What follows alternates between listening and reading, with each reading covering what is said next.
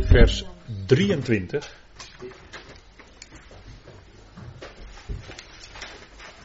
En er staat, we hebben het over geloven, voordat echter het geloof kwam. Voordat echter het geloof kwam. Maar dan zegt u misschien wel van het geloof, wacht even. Er was toch al lang sprake van geloof, want we lezen over Abraham. We lezen over anderen in het volk Israël die ook geloofden. Maar wat wordt hier dan bedoeld? voordat echter het geloof kwam. Werden wij onder de wet verzekerd, bewaard, tezamen ingesloten enzovoort. Voordat het geloof kwam. Hoe zit dat dan? Het geloof. Waar gaat het dan om? Het geloof van Jezus Christus. Ja, het geloof van Jezus Christus. Hè? Het ultieme geloof. Geloofswandel, geloofsvoorbeeld, net hoe je het zeggen wil. Er wordt in één adem eigenlijk in het stukje in Galaten 3 gezegd dat hij kwam. En dan in een andere tekst dus hier dan het geloof kwam. En dan wordt weer gezegd dat Christus kwam. Dus dat is in feite, hè, kun je dat op elkaar laten aansluiten. Uh, hij is het, hè. Hij geloofde. En dat was hetgeen wat voor ons de redding bracht. De rechtvaardiging. Dus als je afvraagt, hè, voordat het geloof kwam, waar heeft Paulus het dan over? Nou, het geloof van Jezus Christus. Daar heeft hij het over. En dat, dat heeft hij natuurlijk al diverse keren uh, genoemd in hoofdstuk 2. Maar we hebben het net gelezen met elkaar, hè, in vers 22. Opdat de belofte uit het geloof van Jezus Christus wordt gegeven aan hen die geloven. En dan in vers 23. Voordat echter het geloof kwam. Nou, dan weet je het gelijk, hè. Vers 22 klinkt nog door. Het geloof van Jezus Christus. Dus hier kan hij niet anders bedoelen dan het geloof van hem. Voordat echter het geloof kwam. En dan zegt hij over, en dan heeft hij het over wij. Hè, want wie, wie is nu die wij en die ons? Hè, want uh, in, vers, uh, in vers 24 spreekt hij over zodat de wet onze kinderen geleider geworden is. Opdat wij uit het geloof gerechtvaardigd worden. Dus hier wij, in vers 24 ons en wij. En wacht even, over wie heeft hij het dan? Over wie heeft hij het dan? Over het volk, uh, de gelovigen van Israël. Ja, over de gelovigen van Israël, precies. De gelovigen van Israël. He, want die waren, Israël was onder de wet. Israël werd onder de wet verzekerd bewaard als in een kluis. Hè. Ik heb hier een uh, plaatje van een kluis opgezet op deze dia. Je zou kunnen zeggen, als in een kluis werden ze bewaard. Hè. Dat woord in het Grieks klinkt ook zo, maar goed, we moeten nooit alleen op de klank afgaan. Maar het heeft wel te maken met iets waar je, wat op slot gedaan wordt, waar je ingesloten zit, hè, waar je in vastgesloten zit. Nou, die Joden, Israël moet ik zeggen, Israël werd onder de wet verzekerd bewaard. En dan kun je zeggen, ja, die wet had een bewarende werking, want het, uh, het, het, hield hun vrij van uh, de invloeden van uh, de heidenen enzovoort. Ja, ja, daar kan je verschillend over denken. Daar kan je verschillend over denken. Onze, sommige uitleggers die zien dan dat de wet toch nog wel een bewarende werking had. Was ook oorspronkelijk wel zo bedoeld. Maar als je kijkt in de geschiedenis van het volk Israël, en dan hoeven we het, dan kun je het nog hebben over de twee stammen en de tien stammen. Maar die waren allemaal even erg hoor. Bij tijd en wijle. Er was af en toe een goede koning. Hiskia. Of uh, Josia. Als ik het goed heb, uh, Jozefat. Maar ook zelfs die goede koningen, die bijvoorbeeld weer de paasfeest lieten vieren, vervielen later ook weer in afgoderij. En dan gingen ze toch weer verder. Ja, dat is wel zo. En, en uh, hè? Wat, wat denkt u, wat denkt u? Wat denkt u?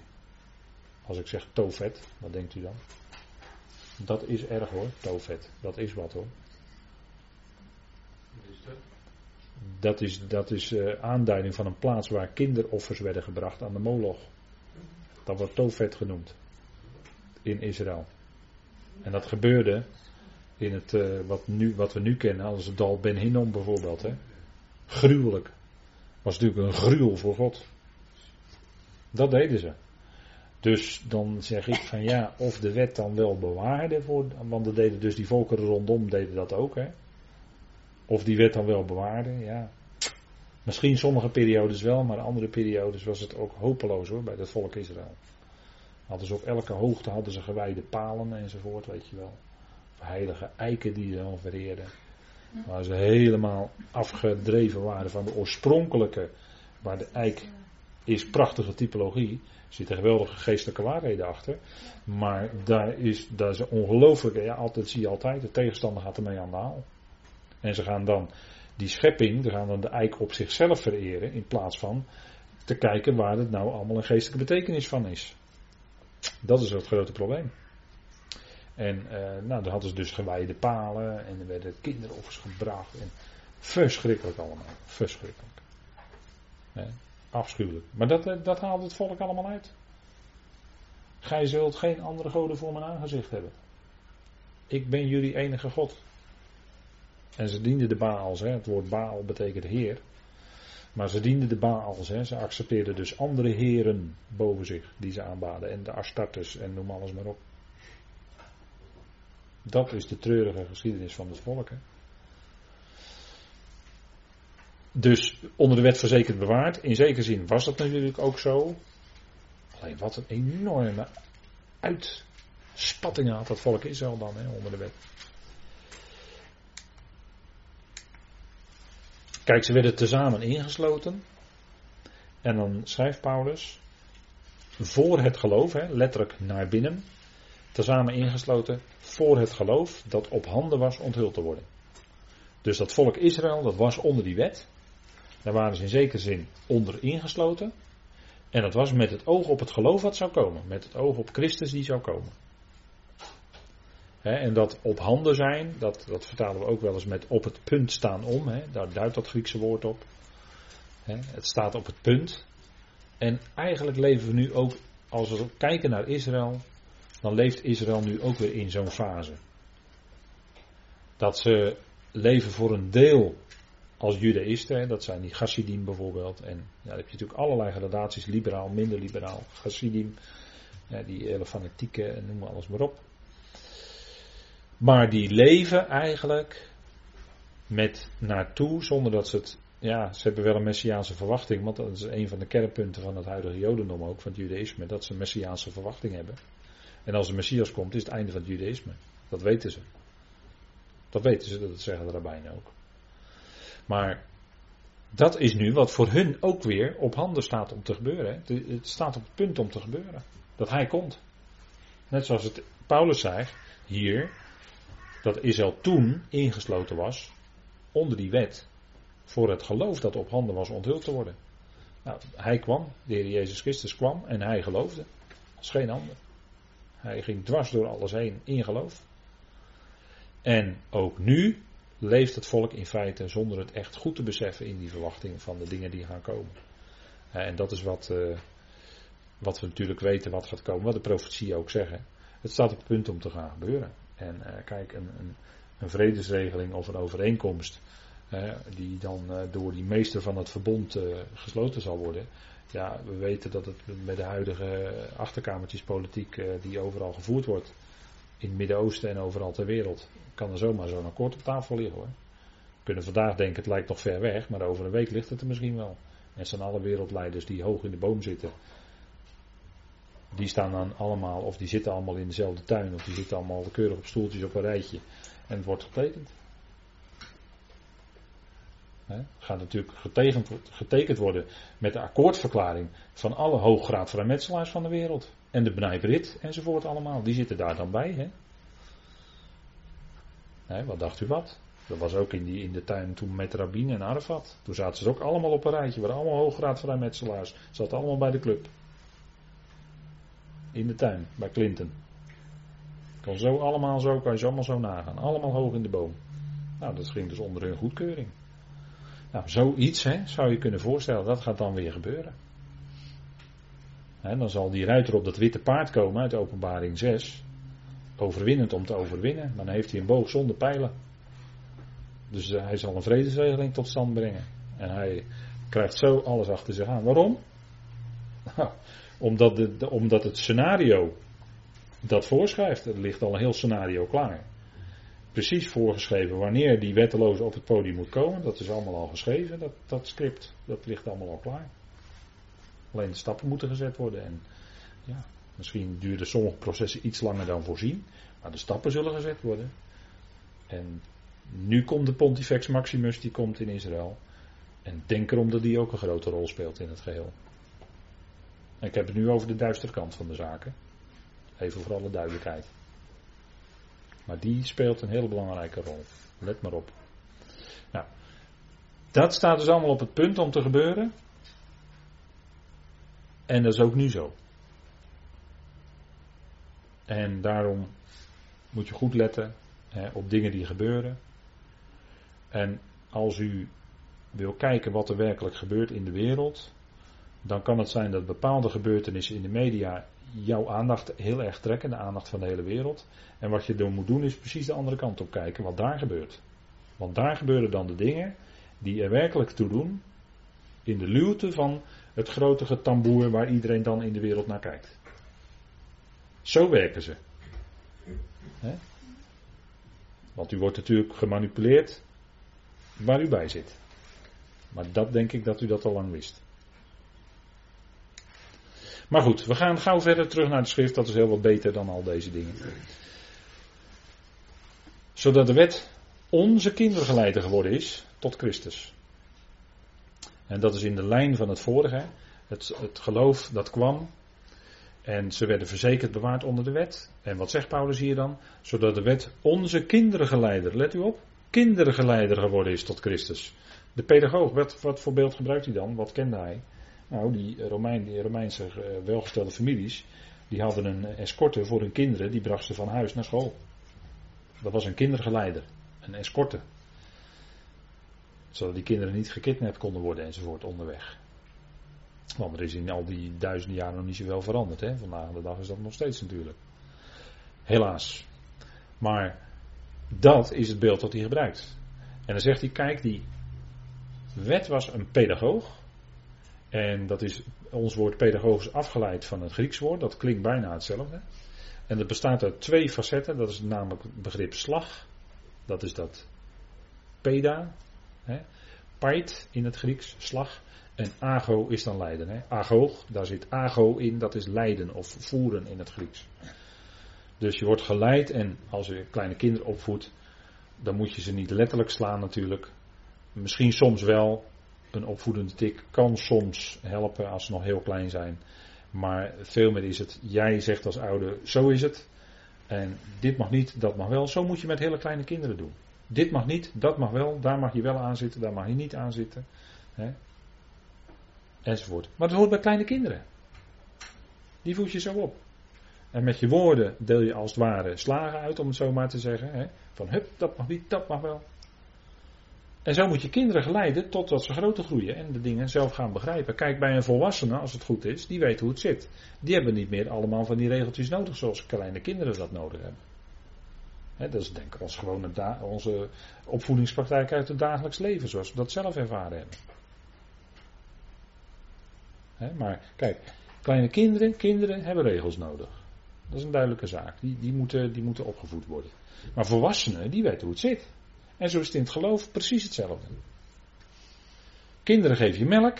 Dat is ook bij jonge gelovigen zo. Mensen die pas tot geloof gekomen zijn, die hebben melk nodig. En dan zegt Paulus tegen de Corinthiërs: Jullie hebben nog steeds melk nodig. Terwijl ze eigenlijk al aan het vaste voedsel toe hadden moeten zijn. Maar ze waren nog steeds bezig met die melk. Dus waarschijnlijk ook met wetten en regels en hoe moet dit nou en hoe moet ik dat nou doen en uh, geef me alsjeblieft een regeltje hiervoor en geef me alsjeblieft een aanwijzing daarvoor. He, zo op die manier, Paulus zegt, jullie zijn nog onmondigen. Ze kibbelden onder elkaar als kleine kinderen. Jullie zijn nog onmondigen, zegt hij. Jullie zijn nog vleeselijk. Want jullie, jullie maken nog onderlinge ruzies, jullie hebben groepjes enzovoort. Dus hij zegt, jullie hebben nog melk nodig. Geen vast voedsel. Vast voedsel in de natuur is honing.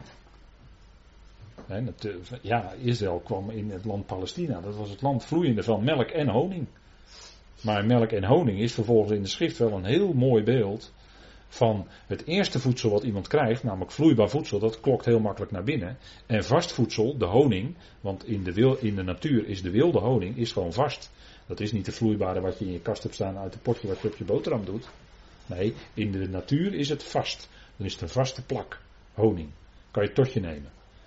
Dat is goed voor je, heeft een enorme voedzame werking. Wordt door bijen tot stand gebracht natuurlijk. Hè. Nou, bijen. Hè, bijen is afgeleid van het woord dabar in het Hebreeuws. Daar zit het woord dabar, woord, daad, bij. Dat zit allemaal heel dicht bij elkaar in het Hebreeuws. En dus ook honing komt van de bijen. U voelt hem al helemaal komen. Honing komt dus uit het woord van God. Het vaste voedsel uit het woord van God. Daar waren die Corinthiërs nog niet aan toe. Want hij zegt, ik kan jullie die geheimenissen niet vertellen. Zij waren nog bezig met de melk. Met al dat zichtbare enzovoort. Zij waren nog niet zo vatbaar voor de geestelijke waarheden die Paulus ook te verkondigen had. De verborgenheid. Dat wat God al voor de Ionen beschikt had tot onze heerlijkheid, die wijsheid waar de Corinthiërs nog niet aan toe. Maar degenen die volwassen zijn, die gerijpt zijn in het geloof, die kunnen dat vaste voedsel wel tot zich nemen. En die worden daar ook volwassen door, hè, door dat vaste voedsel tot zich te nemen. En dat is onder veel geloven vandaag de dag nog steeds zo. Daar kunt u aan herkennen wie onmondigen zijn in het geloof, nog kinderen. Want die willen graag regels hebben, aanwijzingen, hoe moet dit, hoe moet dat, enzovoort, enzovoort. Wil ze graag iemand hebben die dat hun allemaal zegt. Dat is eigenlijk een teken van kindschap in het geloof. En volwassen zijn, dan neem je vast voedsel tot je. En dan verkrijg je ook wijsheid uit het woord van God. Wijsheid, want wijsheid heeft ook te maken met vast voedsel tot je nemen. Want Paulus heeft het in 1 Korinthe 2 over de verborgen wijsheid van God. Die hij tevoren beschikt had. Dus wijsheid krijg je door dat vaste voedsel uit Gods woord. En dat is het latere onderwijs van de apostel Paulus. Wat hij later bekend kon maken. Kwam hij bij de Corinthiërs nog niet aan toe. Of nauwelijks. Ja, nieuwe schepping. Dan krijg je de eerste contouren. Maar kwam, bij de Corinthiërs kwam hij nog niet aan toe. Dat lees je in latere brieven. En dan krijg je ook die wijsheid, ga je tot je nemen. Zodat je ook als gelovige zelf in die wijsheid kan wandelen. En dan heb je niet meer andere mensen nodig. Die tegen jou zeggen: jij moet dit of jij moet dat. Maar dan ga je zelf verstaan uit het woord hoe je in gegeven situaties in het dagelijks leven kan blijven staan. Daarvoor heb je die wijsheid nodig. Maar kinderen in het geloof, ja, die maken onderling ruzie en die gaan over allerlei futiliteiten gaan ze vallen, gaan van elkaar vliegen afvangen. En dat heb je allemaal ook onder de wet. Hè. Als mensen onder de wet leven, dan gaan ze allemaal op details letten, elkaar vliegen afvangen. En dat soort dingen allemaal. maar als een volwassene, gegroeid in het geloof. Kijk, dit is een mooi plaatje. Zo'n twee sporen. Dat is namelijk, wij leven door geloof, wij wandelen door geloof en genade. Dat zijn die twee sporen. Geloof en genade. Die gaan hand in hand, opdat we uit geloof gerechtvaardigd worden. Kenmerk van volwassenheid is dat je ook verstaat wat de genade is. Dat je in genade leeft en dat je die genade ook kan toepassen. kan uit, dat die genade ook uitwerkt in je leven. Nou, geloof en genade, die gaan hand in hand. Opdat we uit geloof gerechtvaardigd worden. Paulus blijft hameren op dat geloven. Zo fundamenteel. En dan zegt hij maar met het komen van het geloof. Grijpt hij opnieuw even terug, hè? Het geloof van Jezus Christus. Zijn wij niet langer onder een kindergeleider. Kijk, en dit was de prediking. Hier wilde hij de mensen die wilden gaan leven onder de wet. En, of, uh, en zeker ook degene die achtergrond hadden van het volk Israël. Wilde die meenemen. Kijk, met het komen van het geloof zijn wij, gelovig uit Israël, niet langer onder de kindergeleider. Nee, hij wil ze meenemen richting die eenheid in Christus Jezus. In Christus Jezus, hè, de verheerlijkte Heer. Dan, ben je, dan raak je los van dat aardse. Van het al bezig zijn met al dat zichtbare. Wat, wat zo het kind zijn kenmerkt. Hè, graag bezig willen zijn met het zichtbare. Dat is, dat is hier toch het verschil. Hè? Kindergeleider heeft hij het over. De wet fungeerde als kindergeleider. Maar als je tot geloof, hè, als je dat geloof daarin groeit, dan heb je die kindergeleider niet meer nodig, want dan groei je naar volwassenheid. Nou, geloof, dat is dus de weg tot volwassenheid. Dat is de weg van het geloof. En dat wij en dat ons, dat is Israël. Maar ik heb erachter gezet, vergelijk het christendom, want ja, dat leeft in feite ook grotendeels onder de wet. er zijn veel kerken waar elke zondag de wet wordt voorgelezen, de tien woorden. En daarmee plaatsen ze zich in feite onder Mozes.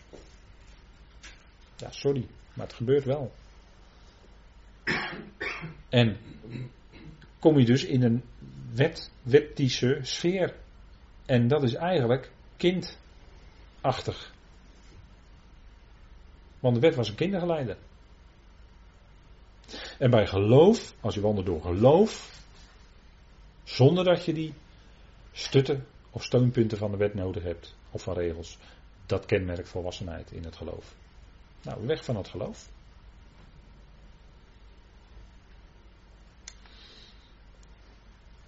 En deze tekst heb ik vorige, vorige week ook aangehaald, uh, twee weken geleden. Maar ik denk, ik wilde toch nog even een punt hieruit noemen, wat toen misschien niet zo aan de orde is gekomen. Um, Hebreeën, hè, dat is een goede tekst hoor, dit. Om ook uit Hebreeën te laten zien hoe het zit. Van de terzijdestelling van het voorgaande gebod. Dus even kijken wat hier gezegd wordt. Hè. Dus de terzijdestelling van het voorgaande gebod. volgens mij kan je het toch niet veel duidelijker zeggen vindt plaats vanwege zijn zwakheid en nutteloosheid. Is zwak door het vlees, zegt Paulus ook, hè? Zwak en nutteloos. De wet, zegt hij, heeft namelijk niets tot volmaaktheid gebracht. Dat is even weer op een andere manier gezegd, hè? of als net met die kindergeleider. De wet heeft namelijk niets tot volmaaktheid. En dat woord volmaaktheid heeft te maken met een woord wat je ook kan vertalen met rijpheid. Dus het woord volmaaktheid heeft gewoon te maken met rijpheid. Oftewel volwassenheid. Dan heb je een groei doorgemaakt. Als straks de appeltjes weer rood worden aan de boom, als straks de pruimen weer paars gaan kleuren aan de boom, dan hebben ze een groei doorgemaakt. Het begint heel klein en groen, maar als ze volgroeid zijn, dan zijn ze een prachtige vrucht en dan kan je ze plukken en dan kan je ze lekker opeten. Nou, dan zijn ze tot rijpheid gegroeid. Maar wat staat hier? De wet, dat is de wet die door Mozes aan het volk Israël werd gegeven, heeft namelijk niets tot volmaaktheid gebracht. En ik hoop dat mensen die zich zo erg bezighouden met de wet, dit ook eens goed tot zich laten doordringen. De wet brengt dus niet tot rijpheid, de wet is een kindergeleider He, dit is gewoon de andere kant, op een andere manier gezegd, wat Paulus ook in Galaten 3 zegt.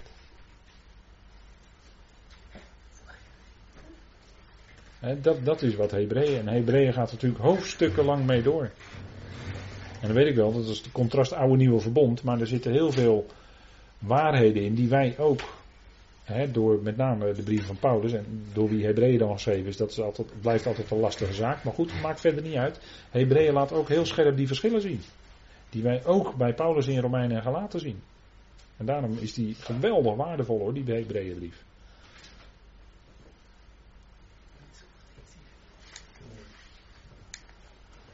Kijk, en dat gerijpt, dat volwassene, komt ook in Efeze dan terug. Hè? En dan zegt Paulus in Efeze 4, deze geeft, hè, dat is Christus Jezus, die geeft zowel en ik heb even wat weggelaten omwille van de tijd, anders wordt het te uitgebreid. Hij geeft zowel evangelisten, hè, nu in deze tijd aan de gemeente, als herders en leraars, tot aanpassing van de heiligen tot dienstwerk, tot opbouw van het lichaam van Christus, totdat wij alle komen tot de eenheid van het geloof. Ziet u? Het geloof. Dat is geen eenheid in het vlees, nee, dat is de eenheid van het geloof. Daarom ben ik er ook zo van overtuigd dat die eenheid te vinden is ook in het woord. Dat de gelovige zich kenmerkt door een liefde tot het woord. En dat woord ook wil horen. Anders ben je toch geen gelovige. Een gelovige is iemand die gelooft. En wat gelooft hij? In dat wat hij hoort uit het woord. Het is zo simpel. totdat we alle komen tot de eenheid van het geloof. Want als het erop aankomt en je laat zien wat er in de schrift staat, zal elke gelovige beamen. Ja, dat staat er, zo is het. Ja, dat, ja, zo is het. En van de bewustwording van de zoon van God. Dan word je je bewust dat je een zoon van God bent. En wat staat er dan? Tot gerijpt man. Nou, dat woord gerijpt is precies hetzelfde wat we net hier in Hebreeën 7 ook zagen staan. Volmaaktheid, rijpheid. Dat is exact hetzelfde begrip. Eh, ik kan u zo het Griekse woord noemen als het moet. Maar het is gewoon hetzelfde Griekse woord wat van afgeleid is. Ziet u? De wet brengt dus niet tot volmaaktheid. En wat lezen we in Efeze 2? Er zijn in het lichaam van Christus evangelisten, herders en leraars. Die, en dat zijn allemaal dus aanduidingen van mensen die het woord spreken. Tot aanpassing van de heilige tot dienstwerk. Totdat we komen tot de eenheid van het geloof. Tot gerijpt man. Opdat wij geen onmondigen meer zouden zijn. Hè? Even voor alle duidelijkheid. Een onmondige, dat is weer die situatie van kind. Onmondig.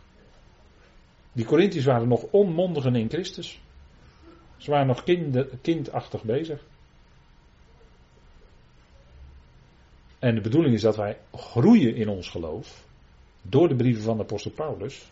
Tot gerijpt man. Tot de rijpheid. Tot de volwassenheid. In Christus.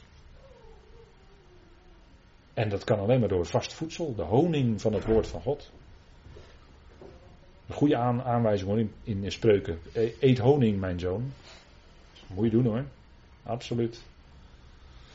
Of uh, ga tot de mieren, die kom ik nog een andere keer op terug. Dat is een hele mooie typologie zit daarin. Prachtig. Ga tot de mieren, luiwaard. dat, is, dat is, heeft een veel diepere betekenis dan zo oppervlakkig van uh, kijk naar de mieren en je moet beter je best doen. Maar dat gaat wel wat verder dan dat. Maar tot gerijpt man. eten van die honing van het woord van God. Wat ons kracht geeft, hè? wat vast voedsel is. Nou, dan groei je op, dan ben je geen onmondige meer. En dan weet je hoe het verder gaat. Dan, ben je, dan word je niet meer heen en weer geslingerd door allerlei windverleer. Dan heb je een vaste koers. Dat kenmerkt ook jouw wijsheid. Dan heb je een vaste koers. Dan ben je niet meer ervan af te brengen. Dat is de schrift. Dat geeft zijn woord aan en daar houden we het bij. Daar wijken we niet van af. Niet naar links, niet richting allerlei wet enzovoort. En we wijken ook niet af naar rechts. Maar we gaan rechtdoor. Geen onmondige meer, maar gerijpte man. Niet meer heen en weer geslingerd door allerlei windverleer. En wat je ziet in gemeentes en in, en kerken is dat misschien in mindere mate, maar heen en weer geslingerd door allerlei windverleer. De ene keer moeten dan de gaven veel aandacht krijgen van de geest. En dan krijg je een gaventest. En de andere keer dan moet, is, uh, is er weer dat ze allemaal met ziekolie, dat ze zieken gaan zalven die dan niet beter, sorry, die dan niet beter worden. Sorry dat ik het zo zeg, maar dat is zo verdrietig. Gaan ze zieken zalven met gebed en de zieke wordt niet genezen. En dan moet de dienst van de genezing weer meer aandacht krijgen. En zo zie je dat die gemeentes heen en weer geslingerd worden door allerlei wind. En de ene keer is het Willow Creek. En dan moesten weten uit welke koker dat komt. En de andere keer is het de charismatische beweging. En u zou eens moeten weten uit welke koker dat komt. Ja, ik weet wat ik nu zeg hoor. En de andere keer is het weer zus. En de andere keer is het weer zo. En dan gaan we weer vasten. En dan gaan we weer in de meditatietechnieken, waarvan ze niet weten dat die uit de Oosterse wereld komen, dat die al lang bekend zijn. Maar met een christelijk sausje overgoten worden en de gelovigen gaan erin mee. Maar als je gelovig bent, dan word je voor dat alles bewaard. Doordat je vasthoudt aan het woord van God. En heb je wijsheid. En wijsheid kenmerkt je wandel dan. Ben je niet meer ervan af te brengen. En dan ga je alles toetsen aan wat er staat geschreven. En als er die toets niet kan doorstaan, dan blijf je ervan weg.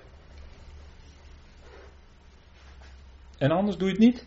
Dan ga je mee en dan word je mee in de weer door allerlei wind van leren. En ik heb u toegezegd al enkele keren, er komt een avond, dan gaan we spreken over het vasten en die komt. Ah, vanuit de schrift dan, hè? Vanuit de schrift gaan we dan spreken over het vasten. Ja. Maar dat komt. Tot gerijpt man. Tot gerijpt man. Dat kenmerkt een volwassene gelovige. Nou, dan ben je niet meer zo heen en weer te slepen hoor. Door iemand met een natte vinger die je zo meeneemt. Die hele zaal zo mee kan nemen. Want jullie zijn allen zonen van God. Zonen van God. Een zoon is iemand die gegroeid is tot volwassenheid. We hebben, een, we hebben in principe gewoon die status van zoon. en natuurlijk is een bekende evangelisatietekst, dat weet ik wel. Ieder die hem aangenomen heeft, heeft hij volmacht gegeven om kinderen van God te worden, zij die in zijn naam geloven. Die zal best in tentevangelisatie zal deze tekst gebruikt worden. Zal best. Maar waar, is deze tekst eigenlijk voor bedoeld? Is bedoeld voor gelovigen onder het oude verbond. Dus gelovigen die leefden toen onder de wet. En als ze dan in zijn naam, dat is namelijk in de naam van Jezus Christus, gingen geloven, dan zouden ze volmacht krijgen om kinderen van God te worden. Maar dan waren ze al gelovig hoor. Maar het ging erom dat ze dan hem gingen aannemen. En de meeste van de zijnen hebben hem niet aangenomen. En konden dus ook geen kinderen van God worden. Maar dat is geen tekst evangelisatie voor nu. Deze tekst kan je nu niet voor evangelisatie gebruiken. Kijk, en wij zijn, en wat je dan wel, dat weet u natuurlijk wel, hè, welke teksten, daar kan je zoveel teksten voor gebruiken. Dat is zo rijk in de brieven van Paulus. Maar goed, jullie zijn alle zonen van God. Door het geloof. In Christus Jezus. Dat is je status. Dat is je positie, geestelijk gezien, die je nu hebt. Kijk, en een zoon, een zoon, is geen kind meer. En is ook geen slaaf meer. Dat gaat Paulus allemaal laten zien hoor, nog, in het vervolgstukje. Maar een zoon is iemand die in de, in de status is gekomen van dat hij ook de erfenis in ontvangst neemt. En dat hij lotgenieter is. En dat ontvangt hij van de vader. En dan is het kenmerk van zonen, allen die door de geest van God geleid worden, die zijn zonen van God. Romeinen 8, hè. Allen die door de geest van God geleid worden, die zijn zonen van God. Nou, dat, dat, is, dat is het kenmerk. Dat is waar ik het net over had. Over die vaste wandel hebben, gegrond op het woord, daarvoor niet afwijken. Dat is geleid worden door de geest van God. Dat is echt niet zo zweverig, maar dat is gewoon gegrond met je beide voeten in dat woord staan. Zo. Nou, zonen, en die zonen hebben, blijken te hebben, dat is later dan in Efeze, een hemelse roeping. En een hemelse bestemming. In de hemelen. dat, uh, ja, dat is natuurlijk fantastisch. Dat hebben we in hem al ontvangen. En dat gaat allemaal werkelijkheid worden. Goed, ik wil het hierbij laten worden vanavond.